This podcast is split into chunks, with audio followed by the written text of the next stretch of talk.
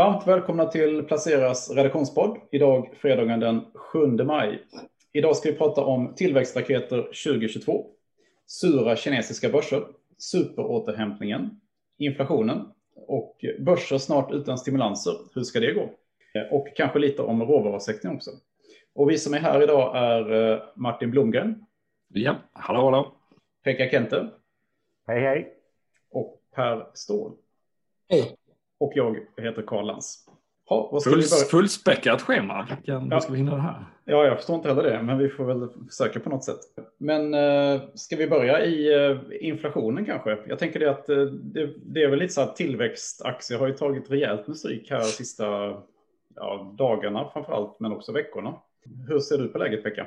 Man kan väl säga att en utlösande faktor var ju faktiskt att eh, finansminister Yellen i USA var ute och pratade och gjorde lite obetänksamma kommentarer, väldigt oskyldiga i och för sig, kring, kring räntan och sa att eh, det var, var ja, i, i princip sa hon att det, det är väl förståeligt att räntan går upp om amerikansk ekonomi fortsätter att växa så här kraftigt. Och eh, det reagerar marknaden negativt på. Ja, hur skulle man tolka det då? Ja, man ska inte tolka det som en uppmaning till Federal Reserve att höja räntan utan, snar, utan snarare som en signal från eh, Biden-administrationen att ja, ni, ni kör ert race och vi kör vårat. Och, eh, så det var väl någon sorts klartecken att man kommer i alla fall inte att protestera om räntorna höjs. Hon var ganska snabbt ute sen och fick eh, säga liksom att eh, nej, nej, nej, jag menar inte att, att Fed ska göra någonting utan de är ju själva självgående. Ja, precis. Och det lugnar ner sig lite grann efter det. Men som sagt vad gäller hon är gammal centralbankschef också så att eh, hon ska nog vara extra försiktig. Som är nere lite på, på marken då och handlar de här tillväxtraketen i USA. Det har ju liksom känt av det här. Eh, det har varit så här rejäla ras kan man säga i, i många av dem, eh, tycker jag. Så att det har ju verkligen slagit. Och även efter hon gick ut och dementerade då har det fortsatt ner faktiskt. Men, men det är ju ett, eh, inflationsförväntningarna i USA fortsätter att stiga och, och de här inköpschefsindexen som kom nu, det är också det är väldigt höga liksom, tal när det gäller insatsvarupriser och fortsatta leveransproblem. Och, och vi vet ju dessutom att vi kommer att få höga inflationstal när aprilsiffrorna rullar in. Nu har ju den amerikanska centralbanken sagt att det här är övergående och det är ingenting som påverkar penningpolitiken. Men vi får se hur marknaden reagerar när de här talen börjar ticka in. Jag tycker det är intressant att det verkar mest vara börsen som reagerar den här gången för att ränte, långräntan har inte eh, rört sig så mycket på den här eh, alltså veckans gällengrej. Nej, och det, det är lite konstigt för varken, varken dollar eller ränta eh, har ju reagerat på det så att det är ju ett enkom nästan ett börsfenomen. Liksom. Mm. Eller en börsreaktion. Men det är, det är väl de höga värderingarna som spökar, bland annat. Mm. Det, det finns inget utrymme. någonting att liksom. hålla i på samma sätt i ett, i ett bolag med väldigt höga multiplar. Eh, har man jättehög direktavkastning eller en, en substans som är att man värderas i, i nivå med substansen så finns det ju någonstans en, en botten. Har man ett p på 100 så kan det lika bra vara 70, det är fortfarande högt. Eh, men har man ett p-tal på 10 eller 8 så, så finns det någon närmare koppling åtminstone. Så därför blir det ju väldigt stora svängningar när humöret går upp och ner. Men vad känns det, vad har vi för faktorer som kan, liksom om, har vi kommit till världs ände Pekka med all med stimulansen? Jag tänkte Bank of England såg jag nu, de har ju börjat att minska lite sina, sina veckoinköp såg jag. Ja, och Bank of, mm, och Bank of Canada har ju också flaggat för det. Mm. Ja, och eh, på något sätt börjar man ju se att eh, nu ska man ställa om och eh, dra ner på köpen och sen på något sätt ska man ju göra sig av med det här enorma obligationerna man har då. Men om man inte har så mycket att få stöd där till börserna, för i min värld så är de, den likviditeten som har tillförts, om vi tittar på Kina, där tillför man ju inte särskilt mycket. Nej, och den börsen har gått sidledes. Eh, är det vad du tror att vi har att vänta oss lite, att det blir mer sidledes börs eh, framöver innan man hittar någon, hinner normalisera sig till att det både är kanske lite högre räntor i marknaden och att, eh, och att det är mindre stimulanser, men att företagen efterfrågan är ju, den, den är väl vad den är, den kommer väl fortsätta vara hög liksom. Ja, den kommer absolut fortsätta vara hög och konjunkturen kommer ju vara stark, men en vanlig sån här kommentar som man, när man pratar med folk, det är ju att man säger att just nu lever vi i den bästa av världar.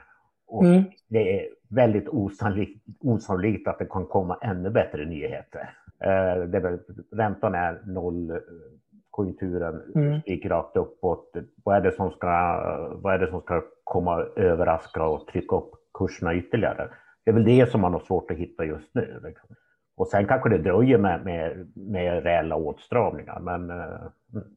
men vi har ju också det här säsongsmönstret som uh, i maj. Maj brukar ju vara den sämsta månaden. Och, uh, om jag förstår det rätt så är det mycket också att, den här, att det är skatter och så som ska in i USA just i maj. Mm. Så att det är många så som tvingas, kanske tvingas till och med sälja av lite. Och det kan vara ganska stora belopp som i sin tur kanske då framförallt pressar kanske mindre aktier också, har jag tänkt.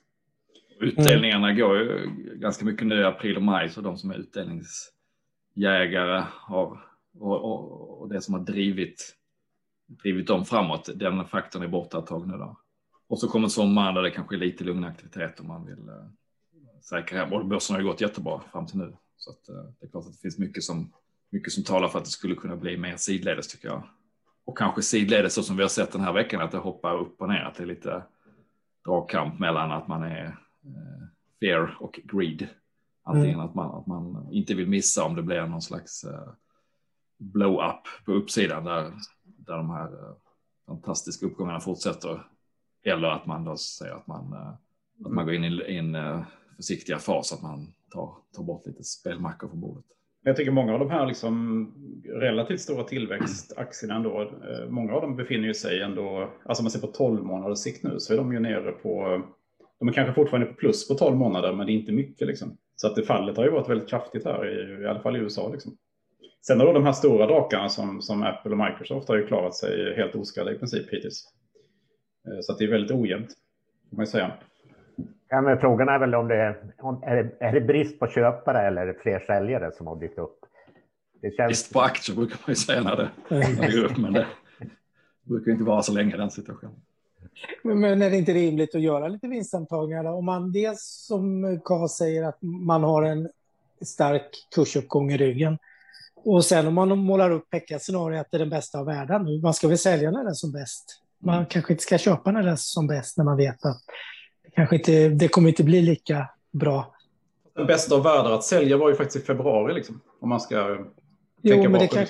Ja, ja. Att om man tittar på rapportperioden så är det ju också lite av det där att det är den, den bästa av världar. Att eh, intäkterna är, bra, eh, vinsterna är ännu bättre. De flesta bolag kan skjuta vidare råvaruprisökningar.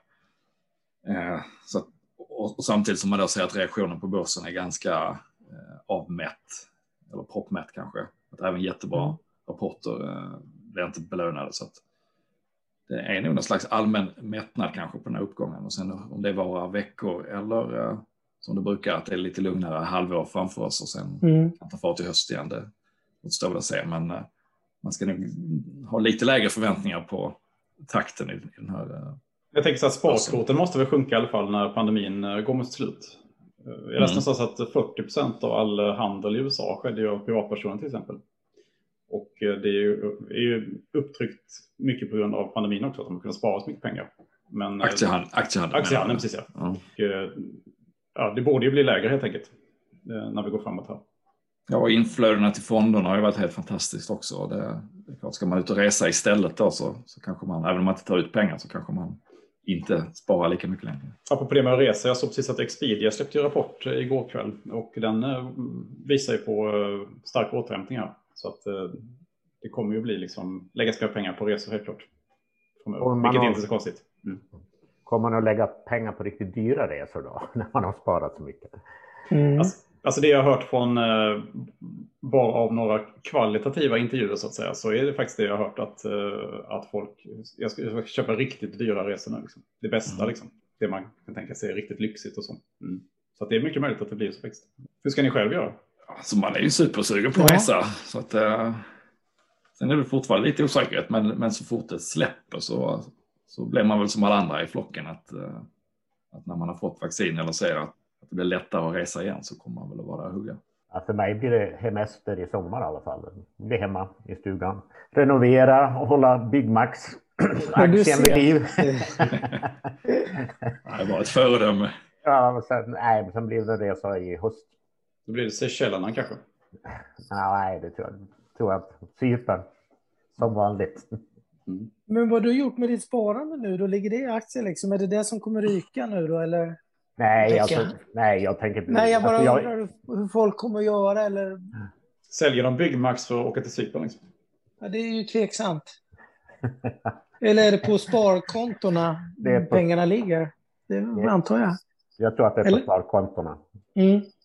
Man kommer inte tömma börsen på, för, för att ut och resa Nej, det tror jag inte. Eh, men som sagt, återigen, det kanske blir lite brist på köpare när folk ska ut och resa. Jag tror inte att man säljer av eh, särskilt mycket aktier. Liksom. Utan det är, det, det är liksom eh, nettoinflödet som minskar. Liksom.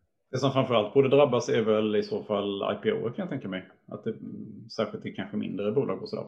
Det är väl där så mycket småsparare har varit. Backarna kommer inte få så mycket pengar. Precis.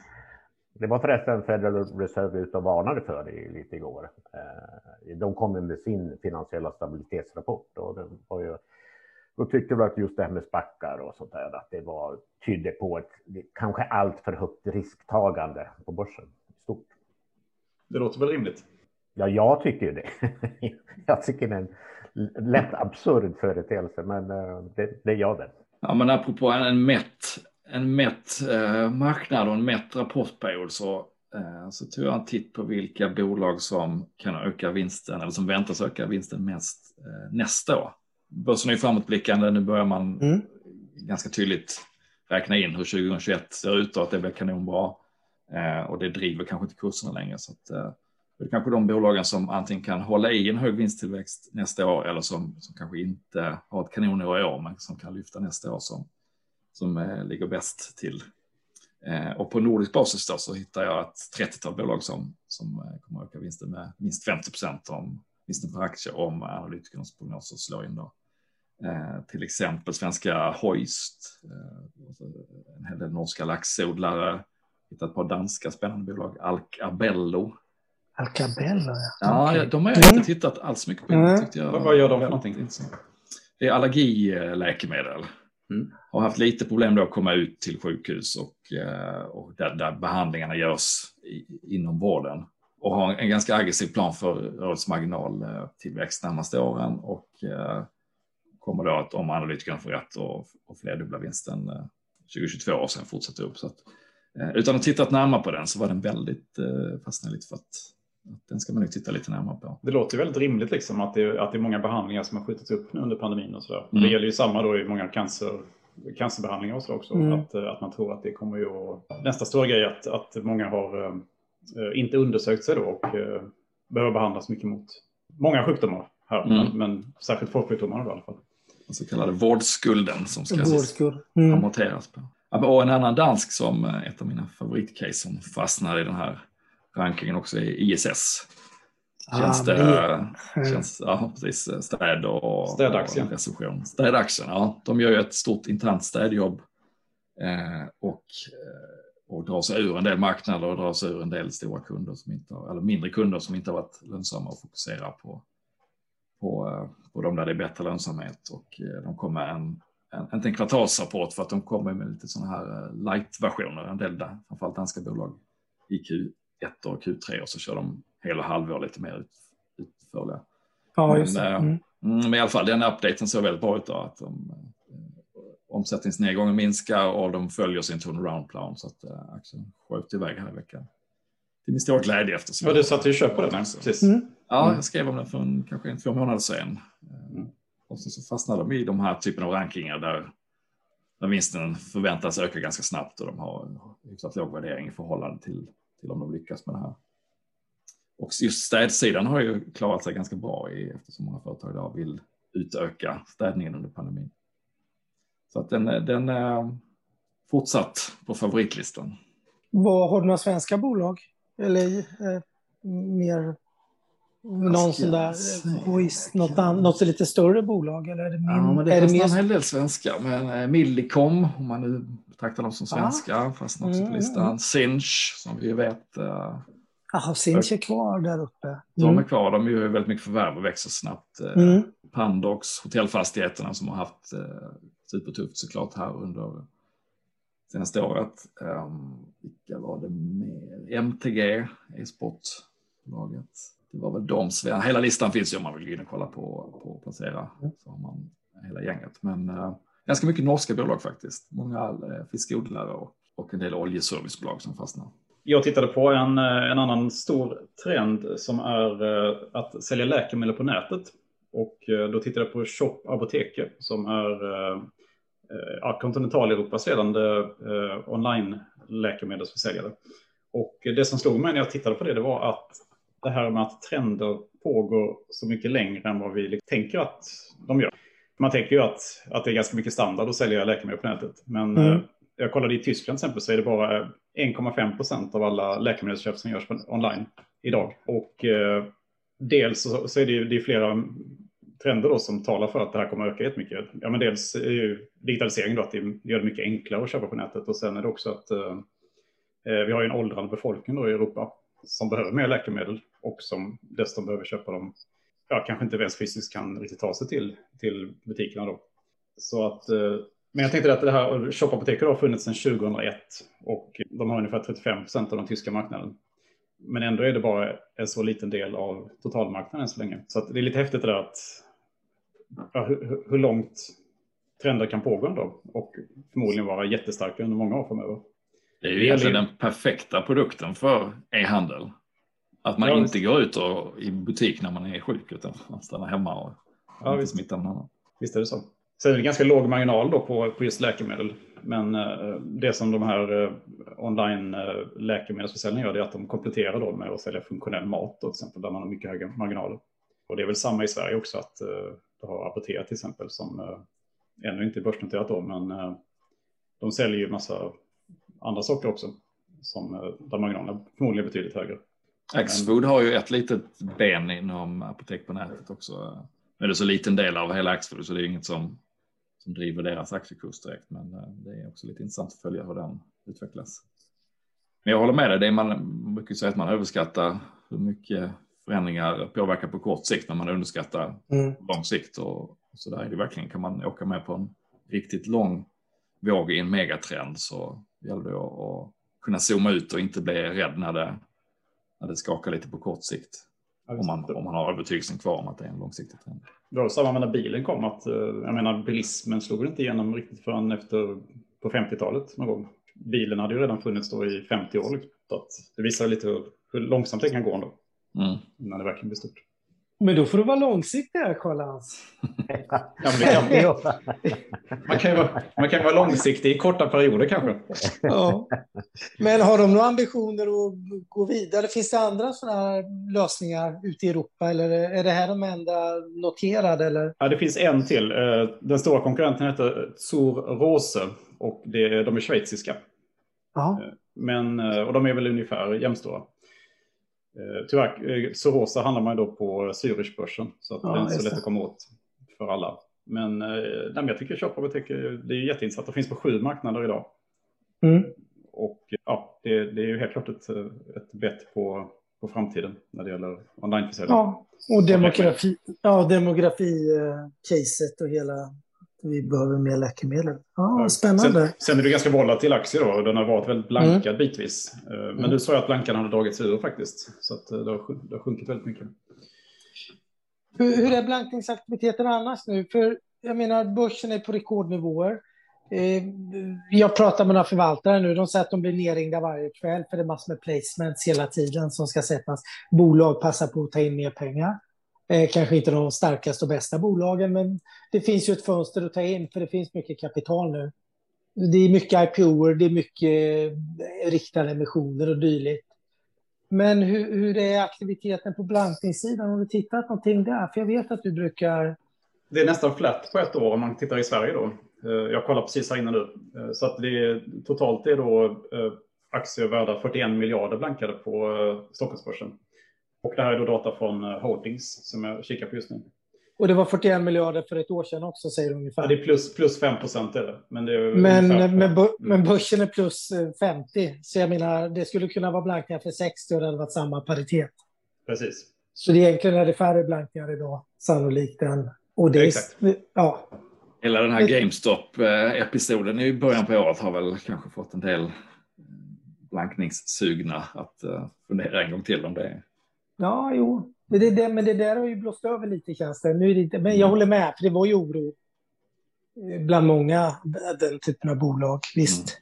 Mm. Mm. Ja, men det blir en ny faktor på något sätt. Det är inte bara mm. att man kan ha fel i, i det fundamentala caset. Man kan ju också få fel i att, att det kommer en, en flock med personer mm. som uh, driver aktien fast, man, fast ingen tittar på fundamenta utan Nej, för, det, för att. Mm. För att, ja. Precis. Då, då, är det en, ytterligare en risknivå. I. Och den mest blankade aktien just nu det är ett litet bolag som heter Mandel Design. Där är 21 procent av kapitalet blankat. Då. Hoppla. Och sen har vi Scandic, Scandic Group på drygt 5 procent. Och eh, SBB 5 procent också drygt. Elekta är ganska blankad. Det kan man tycka är lite konstigt kanske. Jo, jag tänker med vårskulden och allt och hela den. Mm. Jag tror de brukar vara ganska högt blankade. Elekta brukar hamna högt på de här. Mm. Mm. Hoist Finance också, som du pratade om. Mm. Ja, precis. De, de, är väldigt blankade. Samtidigt så är att vdn och, eh, om det var den operativa chefen, gick ut och köpte aktier eh, i veckan här. Så att, eh, att vi har skilda åsikter om var den är på väg. Och som sagt, mm. vinsttillväxten kommer att vara jättehög nästa år om, om analytikernas prognoser in. Mm. Men en sak på blankning där som man också ska ha med sig är att det är inte, det är inte givet att blankningen är hög i ett bolag för att man tror att den aktien i sig ska gå ner. Det kan ju också vara att någon har gjort en spread på en, en branschkonkurrent där man tror mm, att mm. den ena ska gå bättre än den andra. Och den, man, den ena och köper den andra. Mm. Då skulle båda kunna gå upp. Men, men den som har gjort den här traden tjänar på, på att skillnaden blir mm. rätt. Mm. Och jag tror att det kan, det brukar väl åtminstone vara så i Elekta och eh, konkurrenten Varian där att många tog bett på vilken av dem som skulle gå bäst och då kanske blankningen ser högre ut än vad den egentligen är. Än vad det är, precis, jag förstår. Mm. Nu har vi uppköpta väl Varian av Siemens. Ja, ja. precis. Siemens Healthineers. Ja. Intrum och eh, Clas Ohlson och ICA-gruppen också ganska blankade. Det är intressant att följa och det är, det är ju naturligtvis så att den gången blankarna ska ju någon gång köpa tillbaka aktierna så det innebär ju också ett latent köptryck så det är inte bara av ondo om man äger en aktie där det är mycket blankat. Nej, tvärtom. Det kan ju vara guld värt. Så. Man får vara med med short squeeze om man har tur. Mm. Mm. Det vill vi väl alla. Drömmen. Den våta drömmen på börsen får vara med med short squeeze. Ja, men Pekka, du vill ju prata om råvaruvinnare här Oh, såklart. Det gör det. Det är intressant. Jag tror det är Per Ståhl som pratar råvaruvinnare. Jag, jag Nej, men jag pratar gärna råvaror alltså överlag, för de har ju gått och det är många som har toppat eller höga. Vi pratar om det i din podd, Pekka. Och Hoppar. du pratar om, om matvaror som jag inte hade tittat så mycket på, som jag däremot har fått jättemycket mejl om. Folk vill ha ETF mot eh, eh, mat, vad säger man? Soft commodities? Ja, soft commodities, vete och havre och majs och den typen av... Eh, där priserna också har sprungit iväg vad jag förstår, Pekka. Ja, herregud. Eh, alltså, tittar man så här indexmässigt så har det ju varit en, en tjurrusning i livsmedel i april, eller från början av april. Med en uppgång på, på nästan 20 procent på jordbruksprodukter som grupp. Mm. Så det är ju helt fantastiskt. Sen eh, får man väl se hur hållbar den här utvecklingen är. Liksom. Men eh, det är väl klart att konjunkturen talar väl för det. Eh, och eh, alltså den generella konjunkturen. Och sen har det ju det här med leveransproblem och sånt där, att man kanske är beredd att betala lite mer för sina jordbruksprodukter så att man får dem levererade. Mm. Eh, men absolut, det är intressant. Koppar slog ju dessutom nytt prisrekord igår. Eh, så att eh, det rör sig på alla fronter. Oljan är också och det är ju, det är ju ett, definitivt ett konjunkturbett värt att ta. Ja, för det slog mig att april var ju så stark. Det var en stark månad för råvaror. Det var enormt starkt både för hårda och mjuka eh, råvaror. Vi pratade om det tidigare, det var nästan 10 procent uppgång på industrimetallindex un, under april här. Men Varför var det en så stark månad, tror du, just råvarorna nu, att de har gått så? Dels är det, dels är det ett konjunkturbett, men sen är det väl också ett tecken på att investerare söker sig till nya, nya marknader när, när man tycker kanske att börsen är så högt värderad och att eh, kan jag tänka att råvarumarknaden är inte lika känslig till exempel för en eh, uppgång i räntorna. Eh, och det finns fortfarande, tittar man historiskt så finns, finns det fortfarande eh, ganska mycket kvar innan råvaror som helhet har gått upp till liksom tidigare nivåer. Mm. Det, det, finns en bra bit kvar egentligen. Är det hit Karl pengar har gått, höll jag på att säga, men inte Karl Lans pengar, men jag tänker de här små biotech och techbolag som har tagit mycket stryk, som har stora vinster. Om folk vill ta ett cykliskt bett så är det lätt att ta ett, ett råvarubett. Ja, jag, tolkar det väldigt, jag tolkar det väldigt mycket som att det måste ha gått eh, in, in liksom stora placerare mm. och dragit iväg där. Eh, och att man kanske börjar flytta kapital från börsen till råvarumarknaden. Stanley Druckenmiller har ju köpt lite grann i råvaror. Han är ju ganska duktig. Jag skulle säga att just koppar är, tror jag är lite på den här som du var inne på, eh, Kalle, att långa trender håller i sig längre än vad man tror. Att, eh, att, att det går åt mer koppar till att göra en elbil än en fossildriven bil har man ju pratat om i åratal, men den, den dyker upp den här storyn och den är ju sann naturligtvis. Ja, den är ju sann. Men det tar ju tid innan, mm. det tar tid innan det sjunker in och, eh, och att efterfrågan större än utbudet på koppar då driver upp eh, priset. Så ju, ju, mer det sjunker in att det kommer vara en otroligt mycket större andel elbilar än fossildrivna på ganska, i ganska närtid, desto mer tryck blir det ju på, på de metaller och, eh, och andra faktorer som, som drivs av den omställningen och koppar är en av de tydligaste. Där. Då kanske vi får en riktig superkonjunktur när det gäller råvaror då. Som man mm. pratade om så mycket 2007, kommer jag ihåg. Ja, som aldrig materialiserades riktigt. Nej, inte så här. Det fortsatte Nej. i alla fall inte riktigt så. Ja, ja men det ser, om man ser stålpriserna är också upp eh, mer än vad man har sett sen, sen då den mm. 2007-tiden. Så att vi är ju på något sätt där igen i, i den uh, fasen. Vet så länge järn... den varar den här gången. Ja, men järnmalmspriserna är upp över 130 procent nu tror jag på year on year sen botten i, vid corona. Mm. Och sen är det ju en fördel eller nackdel eller hur man ser det, men gruvor tar ju, en, tar ju ett tag att liksom exploatera nya. Mm. Det är inte någonting man gör en handvändning utan det tar ju några år innan så att säga utbudet kommer ifatt efterfrågan om vi nu talar om att efterfrågan ska skjuta fart. Sen brukar det väl vara så att man, man eh, tar i lite för mycket när det gäller eh, råvarusektorn. Det brukar ju alltid skapas ett överutbud. I slutet på, mm. ja. Men, men det känns ju som du resonerar, så i början på en cykel så är det, då är det lite oligopolmarknad. Det kommer inte in några nya spelare, byggs inte. Det, tar, det är några goda år när det blir stark marknad och sen kommer det mycket mer produktion i slutet på marknaden. Ja, det brukar, ja, det brukar väl vara ett ganska vanligt mönster.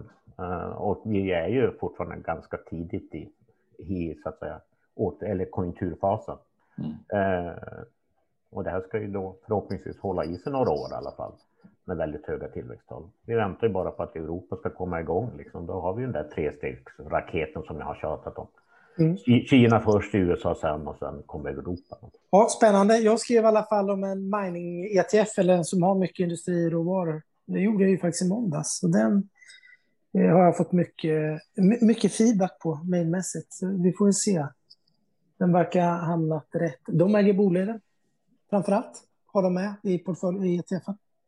Som enda B svenska. BOP? Eller? Ah, vad sa du? BOP har de med ja. också. Men ja. Boliden har de med som svenska mm. eh, som, svenskt, eh, som svensk representant, eller vad man ska säga. Så den, den ETFen handlar Boliden varje dag om den har inflöden.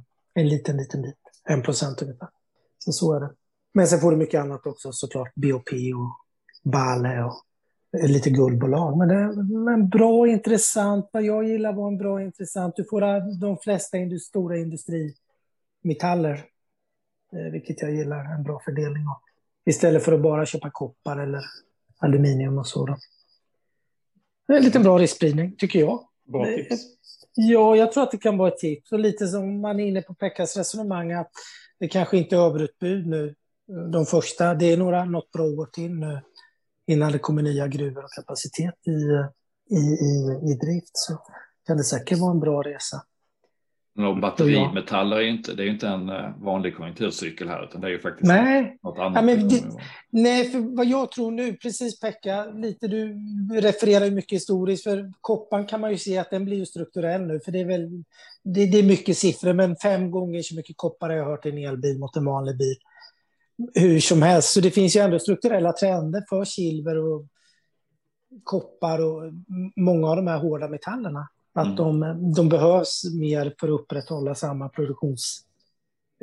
bygga samma antal bilar nu när det blir större antal elbilar och så. Så det, det finns ju både strukturellt och ett konjunkturellt case med råvaror nu som, man, som kanske inte har varit lika tydligt historiskt, tänker jag.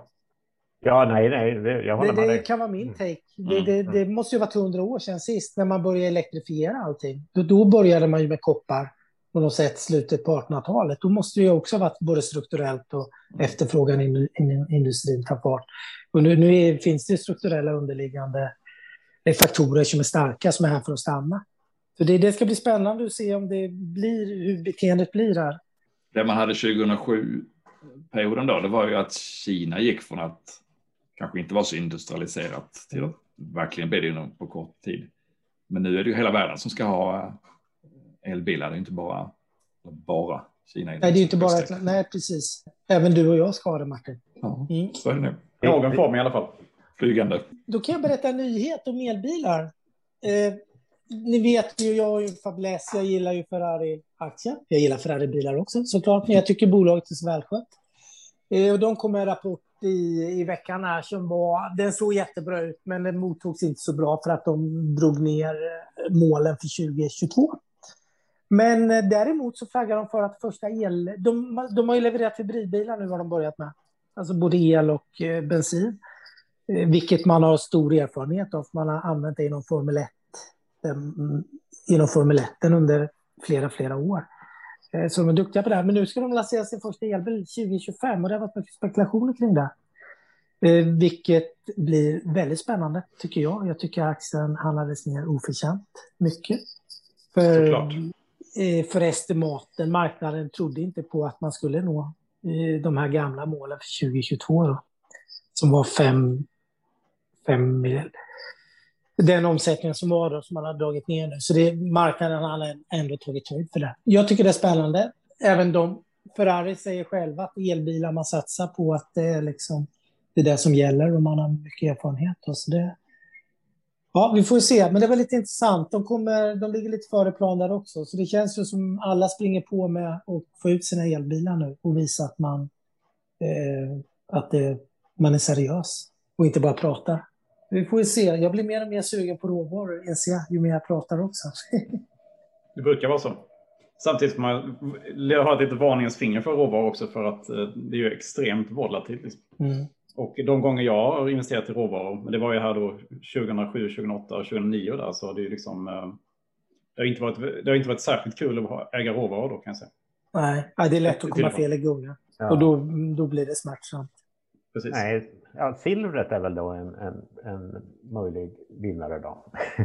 Den gick ju ett tag, men det var det lugnt på silvermarknaden eh, de senaste månaderna eller senaste halvåret. Så det skulle man kanske kunna vara en vinnarmetall. Men som sagt, jag håller med, råvarumarknaden är jättesvår. Eh, det är lätt att hamna fel. Mm. Jag har själv också gjort det flera gånger. Det är förmodligen, det är kanske lite, lite tristare men lite mer safe att gå på som vanligt då, de som gör hackar, hackor och spadar. Mm. Vilket ju i det här fallet då är Epiroc och Caterpillar, Sandvik mm. Eh, och de andra stora som levererar utrustning till gruvbolagen. Ja, det tror jag också faktiskt. Det är de kommer ju ha en bra marknad länge. Mm. Och, och, och, priskänsligheten hos kunderna är ju kanske inte jättehög just när det är en sån här stark marknad utan då är man mån om att få sina produkter snarare än att förhandla om eh, sista procenten på priset. Jättestor elektrifiering och automatisering mm. i, uh, i, nere i gruvorna.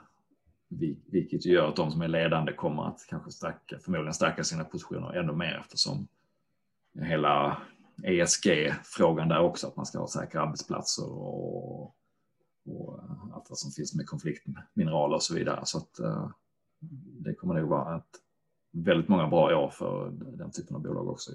Det är intressant att du nämner det, för jag skrev ju precis i slutet förra veckan av Davionsindex, vinnarna i det då, eh, mm. först. Och då, då, var ju faktiskt, eh, dels var det ett, eh, ett apotekskedja som säljer, som gör mycket coronatester och sånt där, lite coronavinnare. Sen var ju Goldman Sachs, men på tredje plats var det faktiskt Caterpillar, mm.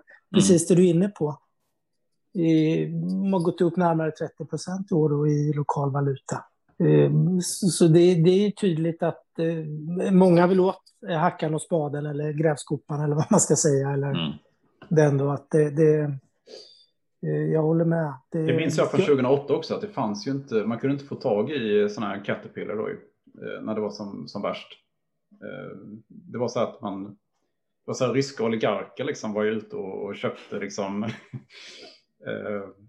ja de betalade vad som helst liksom för, för att få då någon Caterpillar-maskin till, till Ryssland. Det blir snabbt långa ledtider och, och Volvo finns ju också i, delvis på det här området med, med sina grävmaskiner och dumprar och sådär. Och, och i deras eh, rapport, är ju ett tag sedan den kom nu, men deras orderbok är ju, har ju svällt rejält och det de tar order på nu, det får kunderna i Q3 och kanske in i Q4. Så att det är klart att det, det byggs upp en rejäl orderbok och vill man ha maskiner så så är det liksom inte läge att gå in och börja förhandla om priser för då, då, då får man inga. Så att de kommer att ha en väldigt bra eh, pricing power närmsta tiden. Ska vi runda av kanske? Ja, det är fredag. Yes. Vad, har ni gjort någonting? Ja, jag har gjort en grej. Det är, Martin var ju bra. Det jag var inne och handlade faktiskt eh, Taiwan Semiconductors. Jag gjorde det bettet mot Intel-bettet. Ja, vi får se. Jag, precis, eh, jag var inne för några dagar sedan, så det borde varit eh, förlorat några procent och kommit tillbaka. Precis. Vi får se. Det är ett långsiktigt bett. Men jag har gjort det här, sen faktiskt sålt av lite, lite aktier, lite sådär, skalat ner lite. Vi får se. Men jag har köpt Taiwan. Vi, vi får väl utvärdera den där Intel Taiwan-traden sen och se mm. om båda är vinnare kanske. Så kan det bli. Men det är det jag har inte gjort mycket. Jag har eh, ökat lite i AstraZeneca som ett lite defensivt drag plus allt det som vi har pratat om tidigare, då, lågt värderad i förhållande till bra tillväxt och när vaccinfrågan fejdar ut så, så kan nog bromsen släppa lite där för aktien hoppas jag. Och så ökar jag lite i Abcelera. Just det, biotek. Big data, biotech, biotech antikroppsteknikbolag, mm. vad du kallar dem de, de har också åkt lite upp och ner i den här tech-oron. Eh, mm. Fick lite stryk i början på veckan så jag ökade lite grann där. Annars har jag inte gjort någonting, men jag är lite mer, jag känner mig lite mer försiktig. Mm. Eh, lite mer neutral än positiv kanske på kort sikt. Ja, jag har legat lågt. Eh, jag har faktiskt inte gjort någonting i veckan. Jag tror ju på råvaror, som sagt var. Jag kanske, jag har köpt, gjorde jag ett tag för att köpte en ETF, men som var mer inriktad mot företag som är eh, i sektorn, mm. själva råvaran. Tryckt trall, är det en råvara? Byggmax har jag ju kvar. Som vanligt. Mm, och jag har väl eh, passat på lite och, och bottenfiskat då i det här raset. Det har ju varit ganska kraftigt ras tycker jag. Så att, eh, jag, har köpt lite mer i Affirm eh, som är då amerikanska Klarna. Den är nästan nere på IPO-priset nu. Mm. Som var 49 dollar. Eh, och den handlas ju som högst på 140 dollar, eller över 140 dollar. Så att den, eh, fallet är ju helt enormt. Och de släpper rapport nu på måndag det, eh, som jag gissar kommer att vara stark. Du ligga ner i fosterställning när den kommer. ja, får vi se. Men man, man, jag är ganska van vid att ligga i aktier som faller mycket och, och att man då, det, det, gäller ju inte att, man får inte hoppa av då om man tror på bolaget så att säga. Utan man får ju snarare addera lite. Det är lite som, lite som Rocky Balboa, det gäller inte det gäller mycket stryk, mycket stryk man kan ta, inte mycket man kan dela ut. Exakt så är det. Eh, sen har jag köpt ytterligare en som har förlorat som heter Oscar Health som är då en eh, försäkringsplattform som eh, IPO-ades på 39 dollar här i, för ett par månader sedan. Och den kunde jag få igår för 21 dollar. Eh, och då är ändå Alphabet största ägare och det är deras teknik bakom. Så att, eh, det tyckte jag var lite märkligt att man nästan kunde få den för halva IPO-priset. När de fortfarande inte har släppt rapport ens. Eh, första rapport. Farfetch har jag plockat in också. Eh, köpt mer i. Pastols case egentligen. Ja, men jag gillar det. Hur har mm. den varit nu då? Har den tagit ja, mycket stryk? Ja, den tog jättemycket stryk i samband med hedgefonden då först ju, och sen har den fortsatt, fortsatte den ner nu lite grann i veckan och då plockade in lite till faktiskt. Så det är väl det jag i huvudsak har gjort. Men jag tycker ändå att eh, alltså det, det har ett så kraftiga fall så att jag tycker det är lite sant att, att hoppa in då. Det ser ut lite som, alltså när, när en aktie som eh, Twilio till exempel faller 10 procent och så där, på en jättebra rapport, då, då kan man ändå, om man tror långsiktigt på det, kan man ändå hoppa in lite. Mm. Så att, eh, men sen är det möjligt att vi kommer att ha en skakig, säkert maj kommer ju säkert vara väldigt skakigt. Men jag hoppas på att det kommer lite rekyla upp också någon gång. Det som mm. ner. Men när du talar om börsras så, är det ju inte ett generellt börsras. Nej, det är, liksom det är ju tech. Mm. Mm. Precis, det är, ju, det är ju tillväxt som blir, blir mördat. Liksom. Det, är tillväxt, det är tech och biotech och lite små hälsovårdsbolag har ju inte heller. Det är ju bara att se på Upcellera. Den, är ju, den mm. går ju, volatiliteten, är, den är ju som en råvara. Mm. Känns ju som. Man tror man sitter med silverråvara liksom. För den, mm. ja, men den rör sig 3-4 procent upp och ner var och varannan dag. Liksom. Ja. Mm. Ja, det är som med, mm. det är som med min Varta-aktie. Den mm. rör sig. Så den kan man ja, varit... titta på varje dag. Alltså, antingen blir man ledsen eller så blir man jätteglad. Mm. Innan vi rundar av Pekka, i eftermiddag kommer ju de här uh, månadssiffrorna på sysselsättningen i USA. Den kan väl få lite fart upp eller ner på börsen. Uh, om jag säger så här, då, vad tror du är Kommer en bra siffra att vara goda nyheter för börsen eller kommer man att bli rädd för räntan då? Vad tror du? Ja, det, det, jag, jag måste nästan säga det är 50-50. Alltså, det var ju en ADP-siffra som kom som var stark och den tolkades ju positivt. Så att det talar väl för att om det blir de där runt miljonen nya jobb, att, att uh, man, man uh, ser det positivt mm. för konjunkturen och så där. Samtidigt, den här ränteoron kan ju alltid komma tillbaka. Mm. Men man kanske ska titta mer på, på arbetslöshetssiffran än på, på sysselsättningssiffran faktiskt den här gången. För att det Federal Reserve har sagt är att de vill ju se att amerikaner återvänder till arbetsmarknaden. Det är fortfarande så att det är 8,5 miljon jobb som har försvunnit mm. under coronatiden. Så att det, nu ska ju de här komma tillbaka. Så att om, om till exempel arbetslösheten inte tickar ner särskilt mycket, trots en hög sysselsättningssiffra, så är det jättepositivt egentligen. Sen får vi en väldigt låg arbetslöshetssiffra som tyder på att folk inte, inte kommer tillbaka i den utsträckning som man hade räknat med eller hoppats på. Då kan det bli en negativ reaktion. Snart vet vi. Mm. Ja, några timmar här. Spännande. Ja, men uh, tack så mycket för att ni har lyssnat på oss. Så hörs vi om en vecka igen. Mm. Trevlig helg. Trevlig helg. Trevlig helg. Hej. Hej då. Hej.